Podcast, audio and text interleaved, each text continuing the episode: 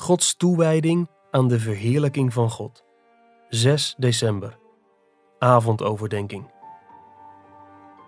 Maar hierom ben ik in dit uur gekomen. Vader, verheerlijk uw naam. Johannes 12, vers 27 en 28. Een van de bekendste kerstverhalen uit de Bijbel is de aankondiging van een engel aan de herders dat de zaligmaker is geboren. En dan lezen we: En plotseling was er bij de engel een menigte van de hemelse legermacht, die God loofde en zei: Eer zij aan God in de hoogste hemelen en vrede op aarde, in mensen een welbehagen. Lucas 2, vers 13 en 14. Eer aan God, vrede voor mensen. De engelen zijn erop uitgestuurd om glashelder te maken dat de Zoon van God in zijn schepping is gekomen om de heerlijkheid van God te laten zien en om mensen met God te verzoenen, van vervreemding naar vrede, om God te eren door de verlossing en mensen zich in God te laten verheugen. Dan is het geen verrassing als we in Johannes 12 Jezus horen bidden om vervulling daarvan op het belangrijkste punt van zijn aardse leven, namelijk in zijn dood en opstanding. Dat God inderdaad zou worden verheerlijkt door de redding van zondaars. Kijk maar in Johannes 12, vers 27 tot en met 30.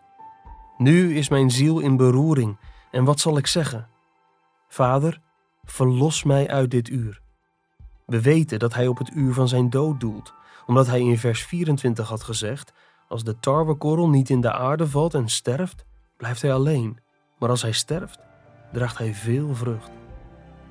Maar hierom ben ik in dit uur gekomen. Vader, verheerlijk uw naam. Er kwam dan een stem uit de hemel. En ik heb hem verheerlijkt en ik zal hem opnieuw verheerlijken. De menigte dan die daar stond en dit hoorde, zei dat er een donderslag geweest was. Anderen zeiden: Een engel heeft tot hem gesproken. Jezus antwoordde en zei: Niet voor mij is deze stem er geweest, maar voor u. In vers 27 zegt Jezus: Maar hierom ben ik in dit uur gekomen. Waarom? Het antwoord staat in vers 28. Vader, verheerlijk uw naam. Dat is de reden waarom mijn dood nadert. De Vader verhoort het gebed van Jezus en antwoordt: Ik heb hem, dat is mijn naam, verheerlijkt en ik zal hem opnieuw verheerlijken. Hij heeft zojuist door Jezus zijn naam verheerlijkt in de opstanding van Lazarus. Johannes 11, vers 4 en vers 40. En nu zal hij die verheerlijken door de dood en de opstanding van Jezus.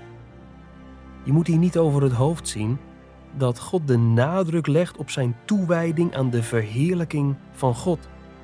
Niet alleen bidt Jezus God om God te verheerlijken, Vader, verheerlijk uw naam, maar God zegt zelf: Ik heb hem verheerlijkt en ik zal hem opnieuw verheerlijken. In Lucas 2 zond God engelen om dat aan te kondigen.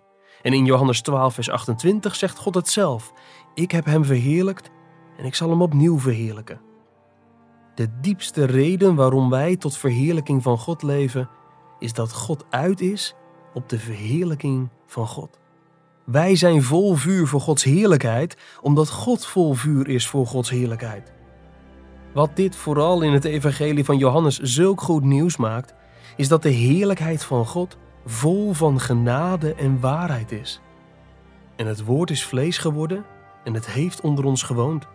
En wij hebben zijn heerlijkheid gezien, een heerlijkheid als van de enige geborene van de Vader, vol van genade en waarheid. Johannes 1, vers 14. Het heerlijkste aan God is dat Hij zo volkomen en volledig onafhankelijk is dat de heerlijkheid van de volheid van zijn wezen in waarheid en genade naar zijn schepselen overvloeit. Hij heeft ons niet nodig en daarom stroomt zijn volheid naar ons over. Dat is de genade die we met kerst ontvangen.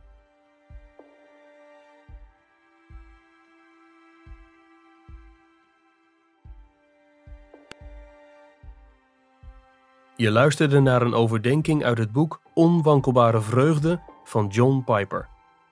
Het boek bevat 50 ochtend- en avondoverdenkingen voor Advent om je te helpen Christus centraal te stellen. Ga naar de webshop van Geloofsterusting om het boek te bestellen of ga naar onwankelbarevreugde.nl voor een online dagboek voor het hele jaar.